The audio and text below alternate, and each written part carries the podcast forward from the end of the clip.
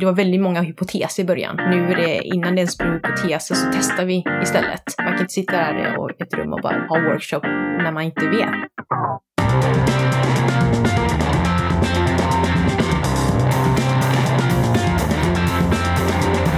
Hej! Du lyssnar på 25 minuter med Syding och Sundström. Det är jag som är Carl Mikael Syding.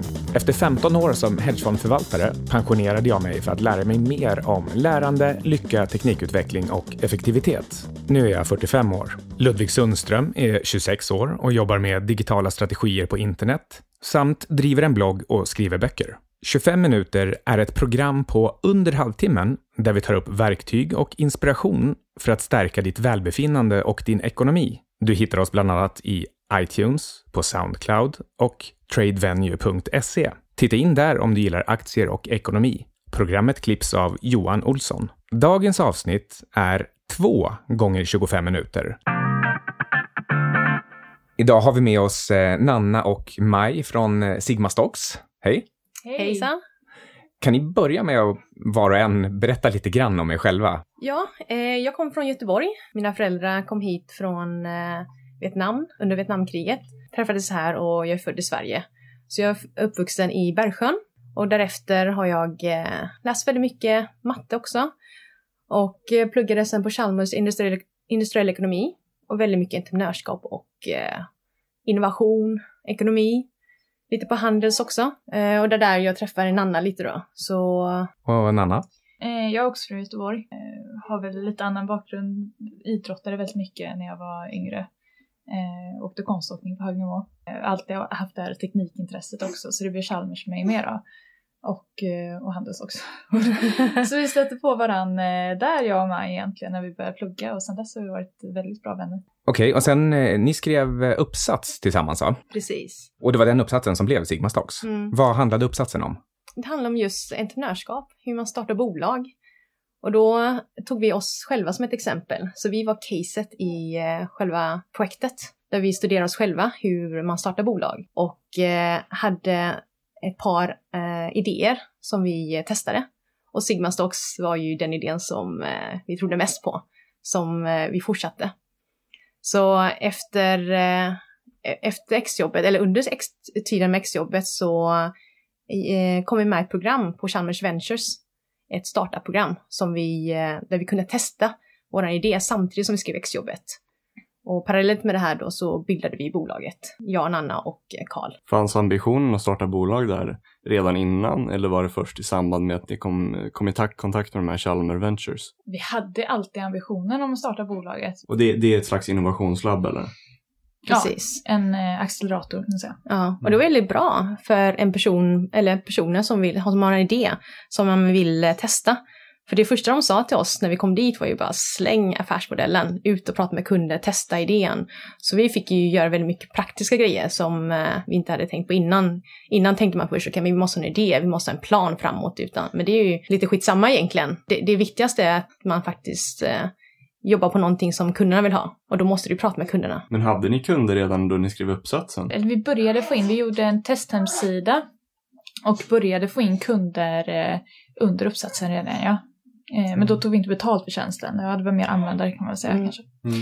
Det finns väldigt mycket man kan testa utan att ha en produkt. Du kan slänga fram eh, en hemsida och räkna på antal klick. Du kan jobba mycket med eh, olika lösningar och se om folk faktiskt är intresserade av att läsa mer om och kan signa upp sig för mer information när den produkten kommer. Så väldigt mycket kan man göra utan att ens ha en produkt.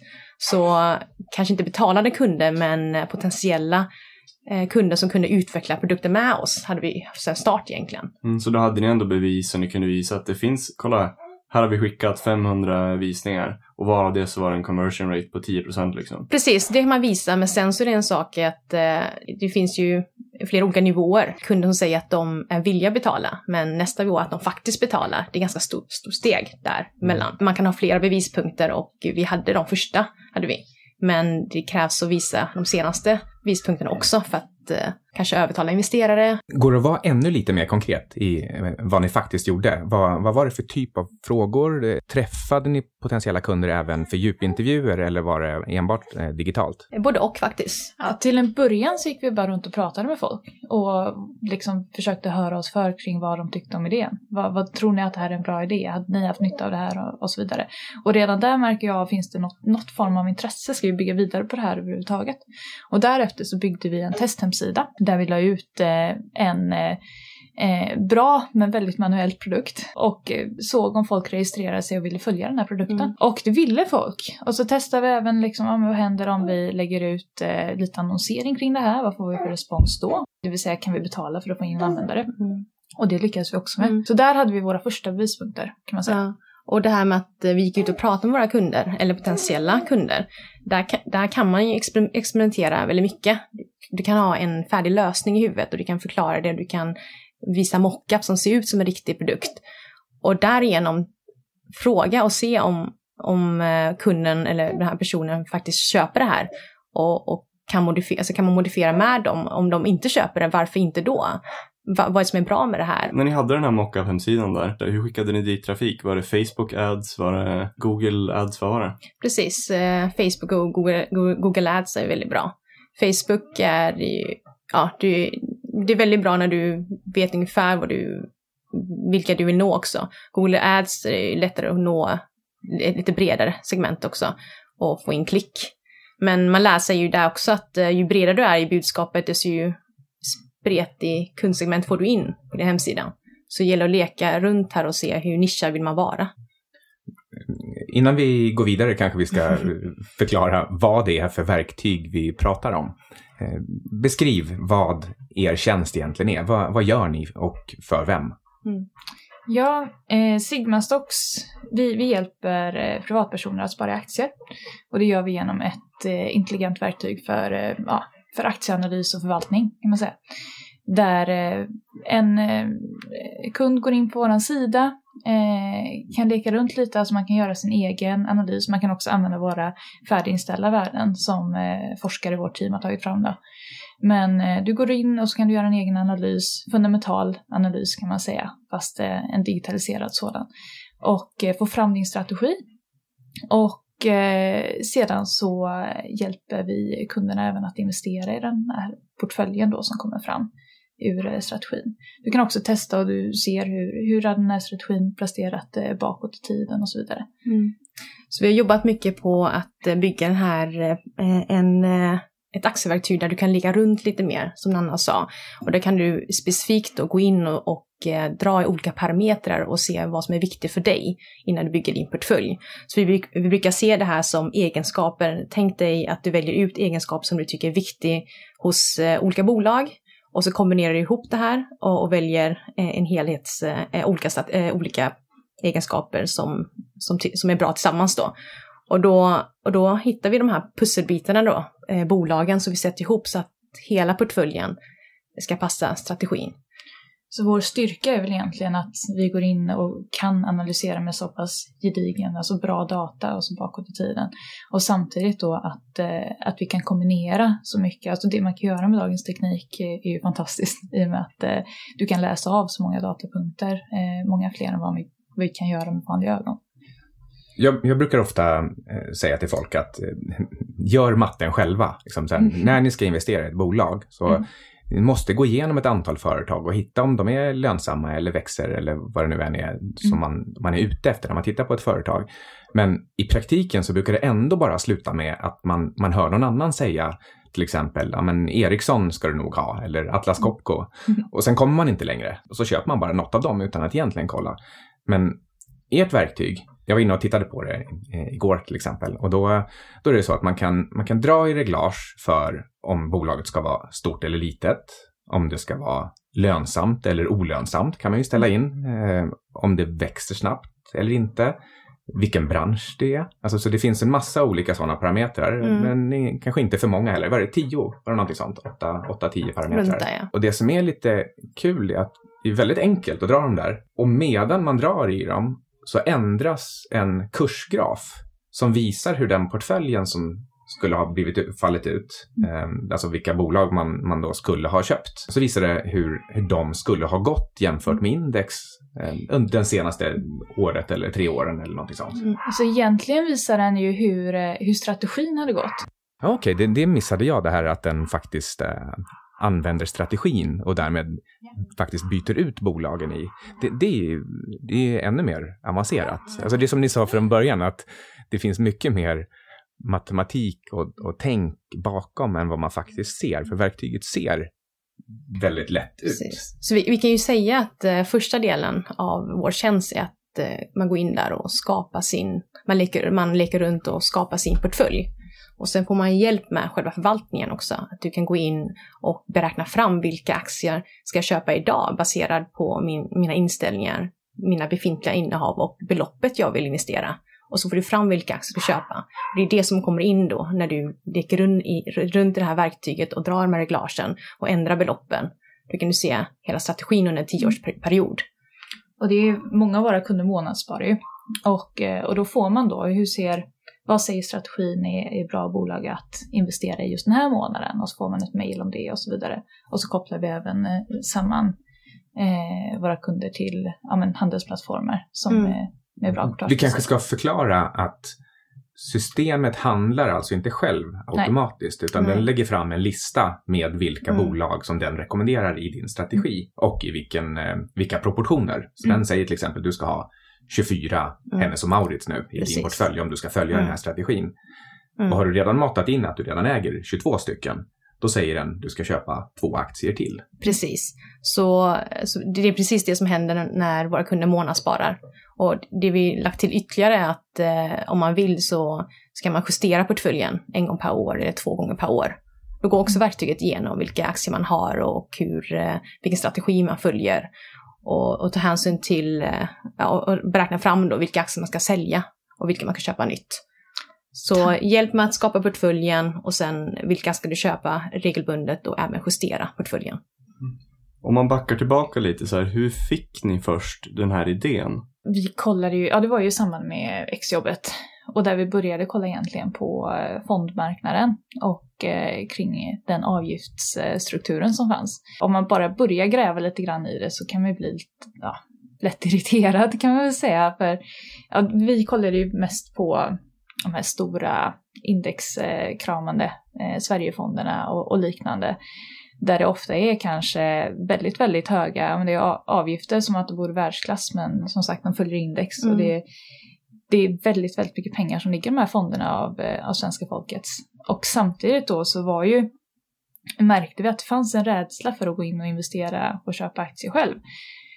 Många är rädda för att göra fel, för att förlora sina pengar och så vidare. Vi vill ge det stöd som behövs för att folk ska kunna göra det här själva. Första tanken var inte att bygga just eh, produkten som den ser ut idag, utan hela tanken har varit att eh, vi behöver skapa ett nytt sätt, eh, ett nytt sätt att spara i aktier. Ett nytt alternativt för våra kunder. Det är ju en ganska vågad tanke där. Nu, nu sa du ju att det kom, det kom gradvis. Det var inte som att ni liksom hoppade från det till ett företag. Men, eller hoppade till ett framgångsrikt företag. Så liksom. Men den tanken var det så här, okej, okay, här finns det jättemycket pengar. Här finns det en seg aktör. Vi kan göra en skillnad och det går att, jag vet inte, hur, hur ska man uttrycka det? Jo, men ja precis. Jag tyckte det var bra där. Vi, vi mm. kan göra skillnad. Och, det, och eh, det var inte bara att vi inte hade den här tanken innan, utan vi tänkte, såg ju mycket vad, vad som var möjligt också. När vi startade bolaget eh, 2014 så var ju courtagepriserna i Sverige, minsta var ju 39 kronor hos Avanza Nordnet för svenska aktier och 13 dollar för eh, amerikanska, nordamerikanska aktier. Så att vi, vi såg ju vart vi var på väg. Vi såg att courtagepriserna sänktes, vi såg vad digitaliseringen gjorde med branschen och vart, eh, att det gick mot noll. Eh, men vi såg ju inte att det skulle komma så snart. Eh, så kort efter att vi startade bolaget så sjönk det ganska kraftigt eh, courtagepriserna till ner mot en krona i Sverige för svenska aktier när DeGiro kom in till svenska marknaden med ISK-konton. Och, och då sänkte ju Avanza Nordnet sina courtagepriser, vilket vi eh, gillar, gillade väldigt mycket och ändrade våra, vårt erbjudande efter det. Så i början var det väldigt mycket färdiga portföljer som vi, hade, som vi erbjöd våra kunder. Och mer och mer blev det ett verktyg för att det gick att månadsspara med ett lägre belopp i aktier. Vi såg ju den här utvecklingen i USA eh, redan innan, så det var ju väntat. Men det är, det är lite spännande där att tänka kring ja, men varför. Vi såg ju helt klart möjligheter när, Mm. när vi började med exjobbet, men varför har inte det här hänt tidigare? Ja, precis. Började vi ju tänka liksom. Och varför har ingen gjort någonting åt det här och så vidare. Och, och fintech överlag har ju utvecklats ganska sent i förhållande till andra branscher. Om, eh, om man ser det så, Mm. gällande digitalisering och så vidare. Men när fintech väl, väl började komma så small det bara till och så hände det väldigt, väldigt Mm. mycket på många olika ställen. Mm. Precis, och, och det var intressant början där när vi startade bolaget hur eh, ja, andra människor i branschen reagerar på vår produkt. Eh, hela tanken var ju att skapa ett, eh, vi ville skapa ett verktyg som var bra för kund och det är ju, det är ju sen start har vi tänkt så. Ett allt, eh, bra tjänst.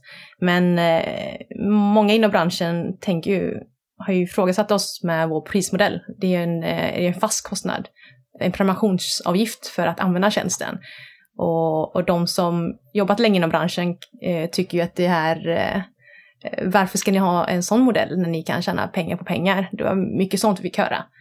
Och, och det, det är kul att kunna ha den här produkten nu live och kunna erbjuda det här och ha den här eh, modellen som vi vill ha, även prismässigt.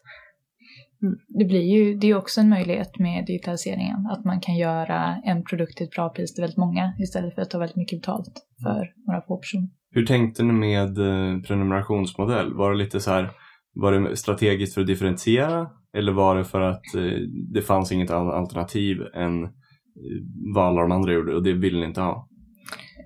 In, ingen av dem. Jag, vi tänkte mer att eh, så här borde det kosta. Ja. Så här borde det vara. Eh, Så du här, behöver inte precis. betala mer än så här för att eh, använda en tjänst för att kunna förvalta dina pengar själv. Det är om, om man ser, försöker se in i framtiden, eh, vilket är svårt naturligtvis, men då hur, hur kommer det se ut? Liksom? Vad har hänt i andra branscher eh, om, om man jämför bara eh, prismodeller och så vidare? Och det kommer ju mer och mer att du betalar för det du får. Liksom. Eh, Mm. Men, men det, är, det är så som du säger. Eh, telekom, eh, Spotify, Mm. Netflix. Precis. Det finns massor med tillfällen där man, Mm. man betalar den fast och sen får man använda det precis hur mycket man Mm. vill. Men eh, det har ju aldrig varit så i finans och inte Nej. ens nu när fintech har slagit igenom. För då är det hela tiden någon typ av fondlösning. Precis. Och det är en procent. Precis, precis. Ja. Men du sa, eh, Ludvig, du, du eh, eh, försökte i alla fall ställa frågan om, eh, eh, om ni hade identifierat en jättemarknad. Alltså det var så här, eh, här är en stor marknad. Då ska vi starta ett företag inom den för att tjäna så mycket pengar som möjligt. Mm. Men, men det låter inte som att det egentligen var det ni gjorde, utan det var mer så här, hmm, fintech, det borde ändras, det är fel här. Eh, Vi vill göra skillnad. Mm. Sen nu råkar det vara så att det också är den största marknaden som finns. Precis. Ja, det är en jättemarknad, det är det Ja. verkligen. Men det vi, det vi såg var ju, eller det, det man ser tror jag från början är ju liksom hur, hur stor är potentialen i det här? Alltså hur många kan vi faktiskt hjälpa? Och det är där, det går ju hand i hand med att Mm. marknaden är stor och så vidare. Att Precis, möjligheterna där. Men, mm. ja, nej, men just det här att man märkte direkt på folk när man pratade med dem att eh, oj, de, folk vill ha hjälp, det här, här finns någonting liksom. Men det är flera olika parametrar. Det var ju det vi såg ju, som vi sa innan då, att vi såg vart eh, finansbranschen var på väg. Och, eh, och hur den, de befintliga lösningarna såg ut. Så mycket potential och eh, möjligheterna vad vi kan göra. Så det här med aktieförvaltning, alltså vi ser det som ett techproblem. Om man sen hoppar framåt lite så här från att ni först eh, gör uppsatsen och kommer igång och så vidare. Sen till att ni faktiskt drar igång på riktigt. Hur börjar man med ett fintechbolag om man är intresserad av att komma in i, det här, den här nischen? Så fintech kan ju vara ganska svårt i och med att eh, ja, det finns väldigt mycket regulation och sånt som du måste hålla dig inom. Och eh, vår affärsmodell, vi har ju, eh, ska man säga, vi står inte under Finansinspektionens eh, tillsyn eh, med vilja och det har vi stämt av med dem också. Och eh, det underlättade också eh, när vi startade bolaget naturligtvis. Annars så krävs det ett helt annat kapital, eh, startbelopp för att komma igång. Så där får man nog tänka till lite och ha en, en, en strategi kring hur du ska, ja, hur du ska börja. Precis, och innan du börjar så måste du ju göra väldigt mycket research. Eh, du måste ju veta vilken marknad du ger dig in på och just inom fintech och relationer som du säger Nanna. Så eh, jag tror det är viktigt att ha ett bra team med sig också. Så att man täcker vissa områden. Eh, det är inte bara att ha en idé, utan det är så mycket mer än så. Inom just fintech, är det, är det ett särskilt entreprenörskapsområde som är extra svårt att vara ensam? Så man, det är särskilt viktigt att ha ett team just här? Alltså jag tror att team är viktigt i alla, ja. alla startup egentligen. Men, eh, men här, eh, i och med att nya regler, lagar kommer och, och det, det, är en stor kostnadspost om du ger in på just tillståndspliktig verksamhet. Eh, där krävs det att du redan från början budgeterar upp en avdelning som sitter med det här. Mm. Och, och i vårt case så, det här är ett, ett, eh, känns eh, ett verktyg som inte just kräver eh, tillstånd. Eh, där har vi andra eh, områden eh, som, vi, som är viktiga i team, såklart. Men jag tror däremot att fintechbolag kanske, och framförallt om du eh, eh, ja, ska ha tillstånd och så vidare, att det är viktigt, eh, desto viktigare med fler bevispunkter före du drar igång, så det blir lättare att få in kapital sen till ditt företag. Och hur gjorde ni det då, när ni först tog in kapital? Hur länge sedan var det? Och hur gjorde ni? Eh, vi var ju med i Chalmers Ventures inkubator och eh, där vi var med, det var tio veckors program och eh, eh där vann vi eh, tävlingen så att säga. Eh, Hur många var med då som ni tävlade mot? 16 team tror jag vi började med ja. och då vann man som bästa team då. Och efter det så valde Chalmers ut några bolag som de ville investera och pratade just med oss då. Så fick, kom vi fram till att vi vill också ha dem som investerare. Och då gick de in med eh, ett konvertibelt lån, så det var vår första investering så att säga. Och det här konverter konvertibla lånet konverteras ju i nästa emission. Och nästa emission, eh, där, eh, där fick vi in, eh, där Juliana Apler in. Det var väldigt kul. Mm. Så det var vår första invest invest eh, extern investering. Vi har ju även eh, tagit in väldigt, väldigt bra mjuka lån och sånt från eh, delvis då från Västra Götalandsregionen och från Almi och så vidare. Det finns eh, även bidrag man kan mm. söka. Så den typen av finansiering hade vi också väldigt mycket nytta av. Mm. Så, så, om man ska tänka på om, uh, om man letar efter finansiering, första finansiering och försöker komma igång med sitt bolag, eh, då är det ju viktigt att eh, kolla igenom vad man kan söka, just som Nanna säger, bidrag och lån och ha koll på eh, när man kan söka dem. För vissa lån och bidrag kan du inte söka förrän till eh, senare skede och vissa kan du bara söka i idéfas. Och då gäller det faktiskt att kolla och planera upp det här och få, få ihop ett bra startkapital att dra igång det här. En del av de här finansieringslösningarna, de brukar väl också eh, ställa krav på att man har någonting annat på plats. Mm. Eh, nu hade ni både Chalmers och Lena Appler och, och det, mm. det gör det ju lite lättare att få in Almi också, för brukar inte de eh, göra eh, one for one eller någonting sånt? Mm. Att man Precis. Eh, mm. de har lite olika eh, nivåer i sina eh, ansökningar. De var med från första början egentligen. Där, då har de ett förstudiemedel. Där kan man söka innan man ens har skapat bolaget. Och totalt sett 50 000 kan du söka då. Och det är ett, ett bidrag. Och då gör de där redan en analys om, om man har, vilken potential bolaget har, hur unik eh, idén är. Och, eh, och därefter när man söker resterande lån, då kan det vara mer att eh, de vill ha, motfinansiera. Då går de kanske in med en krona och så får du få in en krona från annanstans då. Och det kan vara i form av eh, annan finans finansiering eller även eh, intäkter. Precis, mm. alltså det, allting handlar ju om bevispunkter egentligen. För om, om du kommer och säger att ja, men, hundra personer har redan sagt att de skulle vilja köpa det här av mig. Eller ännu bättre, hundra personer har redan betalat mig för det här, jag behöver lite kapital för att utveckla det. Det är klart att då, då säger de inte nej. Rätt, mm. rätt enkelt. Hur utvecklar ni företaget vidare härifrån? Vad har ni för eh, till exempel återkopplingspunkter? På vilket sätt liksom, eh, har ni en dialog med kunderna eller möjligen finansiärer för att hela tiden ta ett steg framåt? Mm. Vi pratar jättemycket med våra kunder. Mm. Sen start egentligen.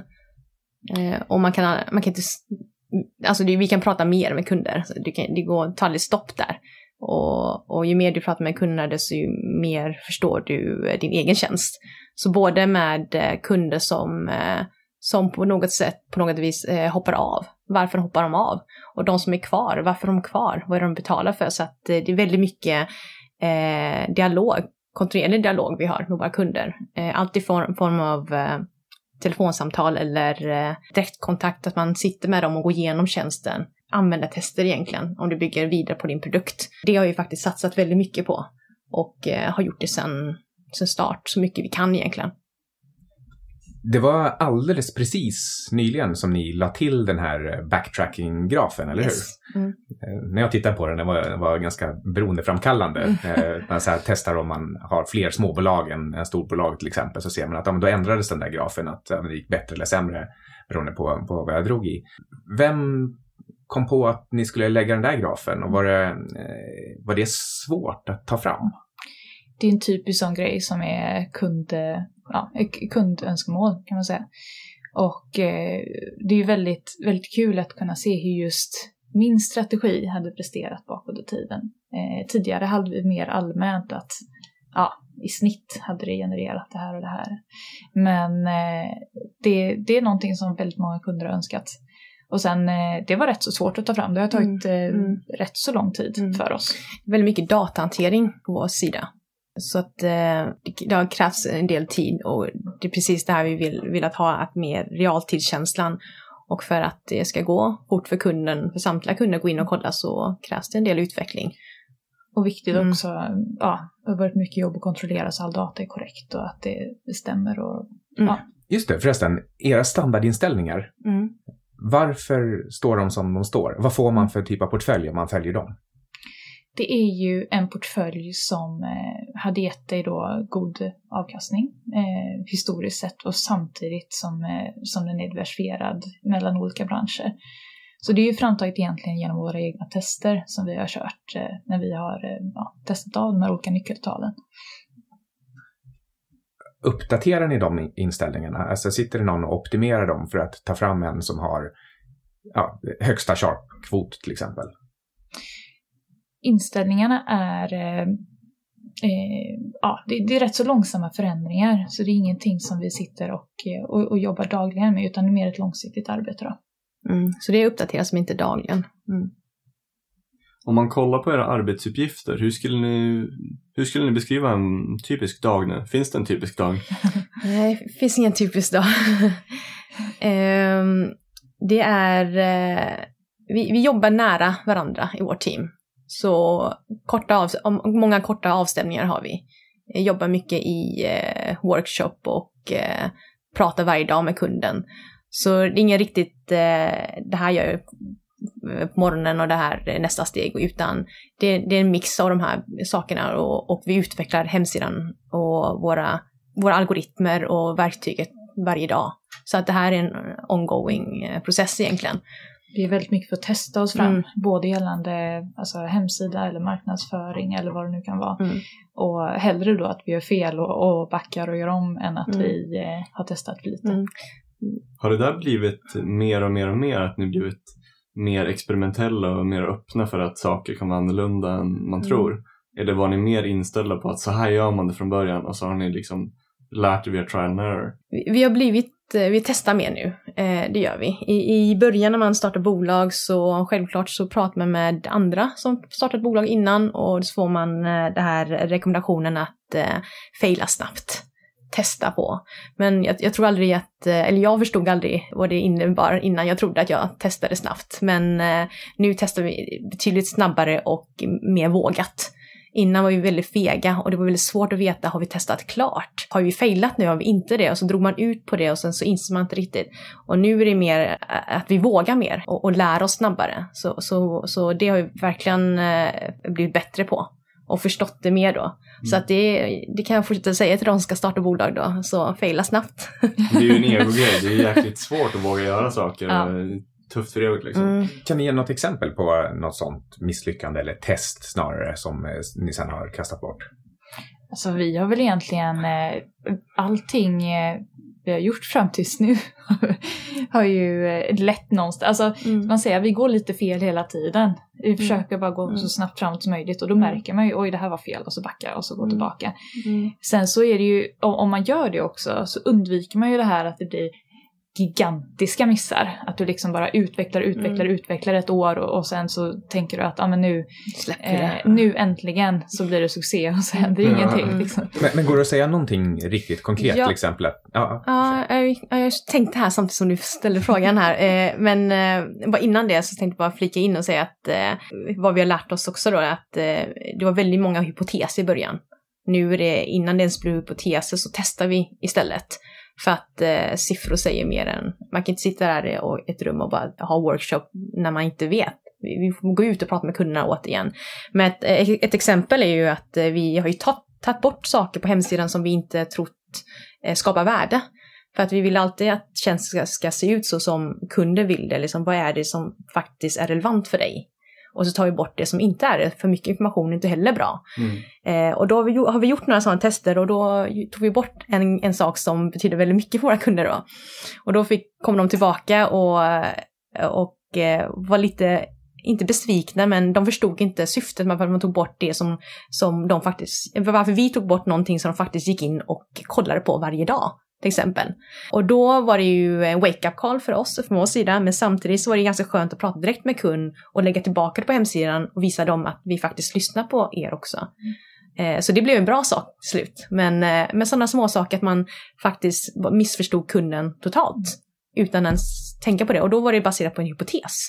Jag kommer att tänka på också i, i början när vi precis började utveckla tjänsten. Då var vi ju väldigt, eh, man säga, vi själva är ju väldigt intresserade av matematiken bakom och, och hela den Ja, just biten. Ja. Vi pratade också väldigt mycket om det på hemsidan, att vi la ut liksom, ja men exakt så här går det till och Hur det här. coolt det var. Eh, ja, men, ja, li, li, lite det här, framhävde det väldigt mycket vilket resulterade i en hemsida med bara text och siffror.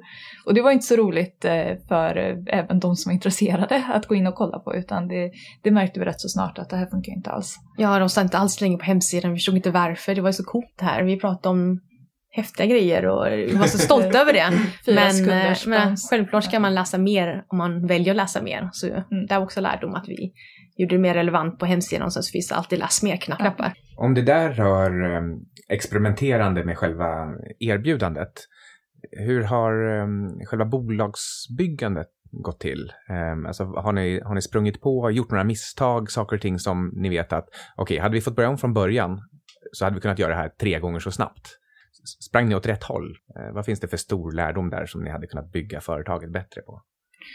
Jag tror, eh, alltså en stor lärdom som vi också hört från andra är ju det här med att eh, man ska börja söka kapital i tid. För att det tar alltid längre tid än man tror. Det är rätt så långa processer och Mm. eh, många samtal fram och tillbaka. Och som entreprenör så tänker man att det, men det, hur lång tid kan det ta ungefär med att få allting på ordning, allt på plats och så vidare om man nu har personer som är intresserade. Men även då tar det ju tid. Och det är inte så kul att känna att oj, nu börjar det, det bråttom här. Den känslan vill man verkligen inte ha. Mm. För, för när, du, när, när man söker pengar, när du söker kapital, eh, då behöver du leverera under den tiden du söker kapital också. Så pengarna kan inte börja ta slut medan du söker på ett kapital. För att du, det är inte så att du träffar en, en investerare, en ängel och får ett ja samma dag och sen så är det klart, utan du bygger en relation med eh, investeraren.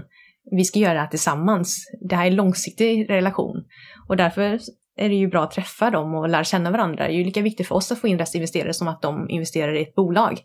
Så, så där är ju också viktigt, som Nanna säger, liksom att ha, skapa relationer från dag ett, inte när du väl behöver pengar. Eh, då hinner du inte skapa den relationen eh, eh, som, som du vill innan pengarna tar slut. Och, och då kan du inte komma tillbaka och visa eh, bra siffror heller. För att har du inga pengar så kan du inte marknadsföra, du får inga kunder och då går det bara neråt. Det lärde vi oss ganska snabbt att, eh, att vi måste ju le- leverera under tiden också och då måste man gå ut och träffa rätt personer, investerare, Tidigt. tidigt. Är det mycket lättare att göra det nu när ni väl har, alltså nu när ni har typ Lena Apler och då har ni, har ni ett kontaktnät via dem då liksom? Ja, det, det är klart att eh, Lena Apler och eh, även andra investerare som vi har blir ju liksom någon form av, eh, trygghet i sig för, för andra investerare. Att, eh, att de tycker att vårt eh, case är så pass bra och tror på det här. Och ju fler som tror på det vi gör, Mm. desto starkare blir vi ju naturligtvis. Men, men slutligen så är det ju eh, siffrorna som, som avgör. Mm. Vi måste ju fortfarande visa bra siffror, bra mätetal, Ja. tillväxt, kunder och, och så för nya investerare. Gör ni det? det går bra. Mm, det går bra. När är det här eh, riktigt lönsamt för, för alla anställda plus ytterligare anställda som ni funderar på att Mm. antagligen lägga till de kommande åren? Så när, när är det här en, en, en, en riktigt lönsam affärsverksamhet? Du tänker någon form av break-even Ja, eh, ja. situation? Ja, eller, eller kanske inte ens break-even utan nästa, nästa steg, alltså att det är en, det är en bra avkastning på insatt tid. Mm. Alltså, vi, vi tänker väl att så fort vi, eh, vi håller ju fortfarande på att testa av tjänsten och, och liksom, eh, vi har precis nu lanserat med nya funktioner och vill känna av dem och så vidare. Och eh, så fort vi märker att vi har hittat nu exakt det vi vill, eh, det som kunderna vill ha helt enkelt, då tror jag att då, då känner nog både Mm. vi och alla anställda och eh, resterande investerare att ja, okej, Mm. då är det bara att köra. Så ni har inte satsat så mycket på marknadsföring ännu? För att ni tycker att Nej. ni, testar tjänsten? Det, det vill jag inte säga att vi har gjort. Mm. Vi, har, vi har testat marknadsföring, absolut. Men eh, vi har inte satsat stort marknadsföring. Vad har ni lärt er om den marknadsföring ni ändå har gjort? Ja, det är ju väldigt, digital marknadsföring är ju väldigt bra för eh, startups. Och att mäta, där får du re- datan direkt. Du ser konverteringen och hur eh, allting, du får alla siffror helt enkelt, hur allt presteras och du kan experimentera runt och så. Så att eh, digital marknadsföring är ju väldigt bra, men att enbart förlita sig på digital marknadsföring kanske inte passar alla. Och det är ju det som vi har lärt oss, att, eh, att det gäller att synas på andra ställen också. För digital marknadsföring, om man tar Facebook som exempel, där kan du jobba mot en viss kundsegment och du kan eh, rikta dig till olika kundsegment på, på rätt sätt och skicka relevant information till rätt kundgrupp. Men så småningom så blir ju den kundgruppen mättad. På något sätt så måste du ju bibehålla det här eh, eh, inflödet av nya kunder, nya leads, så att säga för att få dem intresserade sen. Så du måste hela tiden tänka att du, du bygger upp din kundbas, eh, kundbasen men även själva varumärket bör du tänka på också. Så att du bygger in potentiella kunder. De behöver inte bli kunder nu men det, du bearbetar ju de här, den här processen. Så, så där tycker jag att vi har lärt oss. Att man, eh, även om det går bra med digital marknadsföring, vilket det har gjort för oss, eh, det är en bra kanal för oss. Men vi måste ju tänka på nästa steg hela tiden. Mm. Och vikten av att inte bara ha en kanal som du säger, Mm. utan att det du kanske bygger varumärken med en kanal och så eh, får in kunderna med en Mm. annan. Precis som du sa. Ja. Du- märker, vi märker ju själva, eller det tänker jag på när jag eh, eh, precis läser om ett nytt bolag, då, eller en ny bransch, eller blir intresserad av något nytt, då ser jag det överallt sen. Och då är det inte samma, samma kanal, utan du ser på olika ställen, du kanske ser liksom olika eh, fysiska eh, kampanjer, busstationer och så. Det kommer, och, eh, eller man ser det på ett eh, mycket, Ja, n- ja, mycket typ ljudböcker och sånt där. ja det, det är överallt, eller? Ja. Ja. Här, här också. Nej. När man driver ett företag, det handlar ju väldigt mycket om paketering och sälj. Ganska mjuka faktorer också. Men ni, ni själva kommer ju från ett håll där ni säger att ni verkligen gillar matematik och liksom det tekniska. Hur har ni lyckats skruva om er själva för att liksom bli mer företagsledare och företagsbyggare än att eh, hålla på med formler? Mm, ja, det är en bra fråga. Mm. Det är ju väldigt många olika saker du behöver eh, kunna i alla fall vara hyfsad på Mm, när du ska mm, börja starta upp mm. ett bolag. Det räcker inte bara med det här eh, ja, tekniska. Nej, jag tycker ju matte och statistik är väldigt roligt, men eh, jag kan ju säga så här som att eh, jag har nog minst eh, matte och statistik bakgrund i teamet. Så det är väldigt mycket just eh, företagsbyggande som vi har studerat till, både jag och Nanna.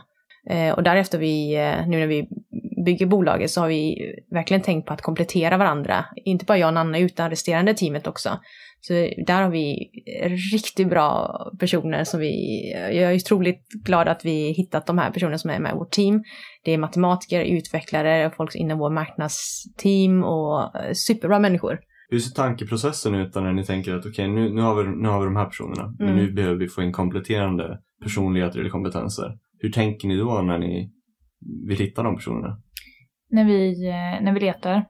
Ja, Eller- och även utifrån vad ni redan har, vad, vad ni skulle behöva mer. Alltså från början eh, var det ju bara vi två i Mm. princip som drev bolaget.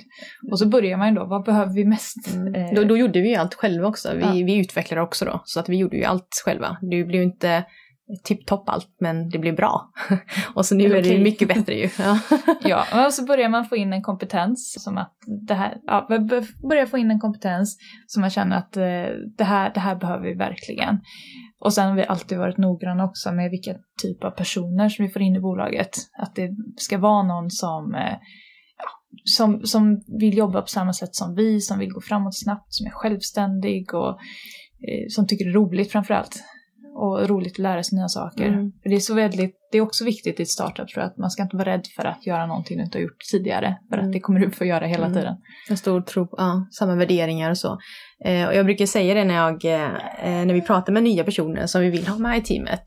Det är en viss kompetens som vi behöver, men man ska inte vara rädd för att eh, bredda sig. För att det är så kul att eh, vara med och bygga ett, eh, ett bolag från start, att man kan ta in en person och sen forma rollen kring den personen. Och, och det är kul, för då kan man tillsammans göra med dem, så det är inte att vi bara ser att den kompetensen behövs, utan vi ser det och sen så jobbar vi vidare med dem och de får också välja vad de vill göra. Hur har ni hittat personerna? Är det liksom bara av en slump att eh, oj, här är någon som är jättebra, honom eller henne borde vi ta in i Mm. företaget? Eller har ni faktiskt letat efter dem? Självklart har vi letat, men många av de här som vi har nu eh, kommer in via rekommendationer av varandra. Vi har fått in några stycken och de har rekommenderat vidare. Har de hittat till oss också. Det är ju det att har du ett team med, med många bra personer i, eh, så, som det går, dessutom går ganska bra för, då, då söker sig andra bra personer till det teamet också. När vi väl hade börjat få in ett bra team så har det liksom bara fyllts på av, Mm. lite av sig självt egentligen. Är det mycket folk från eh, Chalmers och det här Venture? Alltså så att det är de Mm. personerna som ni ändå på något sätt umgås med? Många är från Chalmers, inte för att vi umg- umgåtts med dem tidigare utan Nej. det har varit smidigt bara att eh, högskolan ligger så nära och att det finns bra kompetens där. Mm. Eh, en del också eh, från Göteborgs universitet och så vidare. Mm. Lite, lite blandat, mer och mer blandat nu eh, sista halvåret. Mm. När har ni varit beredda att ge upp? Oj. Eller, eller när har ni suttit där liksom på, när, när har ni suttit där på natten och bara, "Nej, det här, det här funkar ju inte, vi kommer ju inte i mål. Liksom, Mm. det, antingen är det buggar eller så är det att Ja. ni inte får rätt personal eller finansieringen, den borde varit inne igår men det kommer ta två Mm. veckor till. Ja, det är flera gånger. Men eh, det är tufft och det, det är väl också något jag har tänkt på när jag startade bolaget, att jag skulle nog inte starta bolag om jag var själv. Det är tufft. Det är bra att ha med någon från start egentligen som vet, som, som är med på resan och förstår sig på allt. Man behöver inte ens prata, man bara förstår. Att det känns, det behöver bara titta på varandra och så bara, jag förstår. Eh, men det har hänt några gånger. Jag tror, jag tror det var någon gång eh, vi, eh, vi alla grundare satt, jag, jag tror det var det närmaste julafton. Ja, 22 eller 23 Ja, så, december. så, sånt då var det, det var en kris där. Ja, så då, då satt vi där och, på kontoret och det finns en liten maskin och så köpte vi matlådor, så här, eh, matlådesmiddag och det var vår middag där och då satt vi bara och var tysta. För att då kände vi att okej, vi måste göra något annat nu för att nischa oss på rätt sätt då. Så, så där var ju eh, en kris i sig då.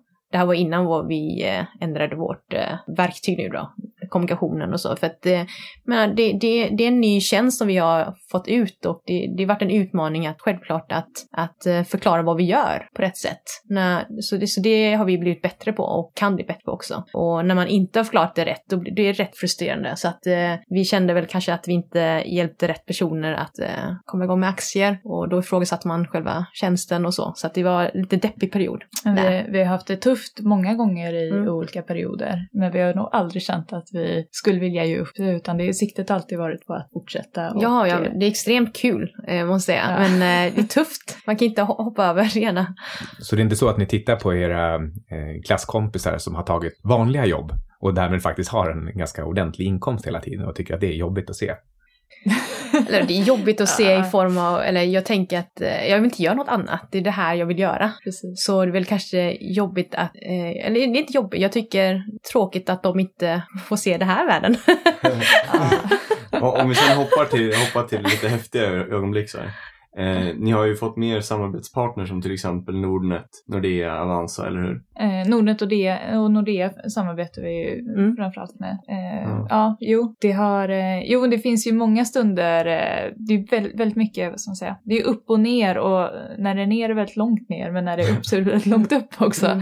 Och det har ju varit en helt fantastisk resa. Och de här stunderna när det går bra, vilket det faktiskt har gjort för det Mm. mesta, Mm. så är det ju magiskt. Det är fruktansvärt kul. Mm. Men hur har ni lyckats eh, skapa de här samarbetena med dem? För de är ju jättestora. Mm. Hur börjar ni och hur, hur gick det till helt Mm. enkelt? Vad har ni för tips? Det tips är att Eh, det, det tar tid, så du måste räkna med det. Och det är samma sak här som investerare, du måste skapa en relation. Och tipset är att eh, prata med rätt person i företaget. Och även om det är rätt eh, position, roll, så, så är det inte säkert att det går igenom heller, utan den personen måste ju själv se samarbetet framför sig. Måste också vara lite innovativt och tänka lite nytänkande och förstå liksom vart branschen är på väg och kanske liksom, ja men vi behöver satsa och samarbeta med ett nystartat bolag för att vara med i det längre perspektivet. Precis, det måste vara någon form av win-win eh, situation. Att man kan se vad det här bolaget nu då som eh, vi vill samarbeta med, vad tjänar de på att samarbeta med oss? Mm. Alltså vad, vad tjänar de på? Och, eh, och trycka på det, alltså det är lite samma som en, en kundrelation, att det ska liksom vara win-win Mm. på något sätt. Så Mm. att eh,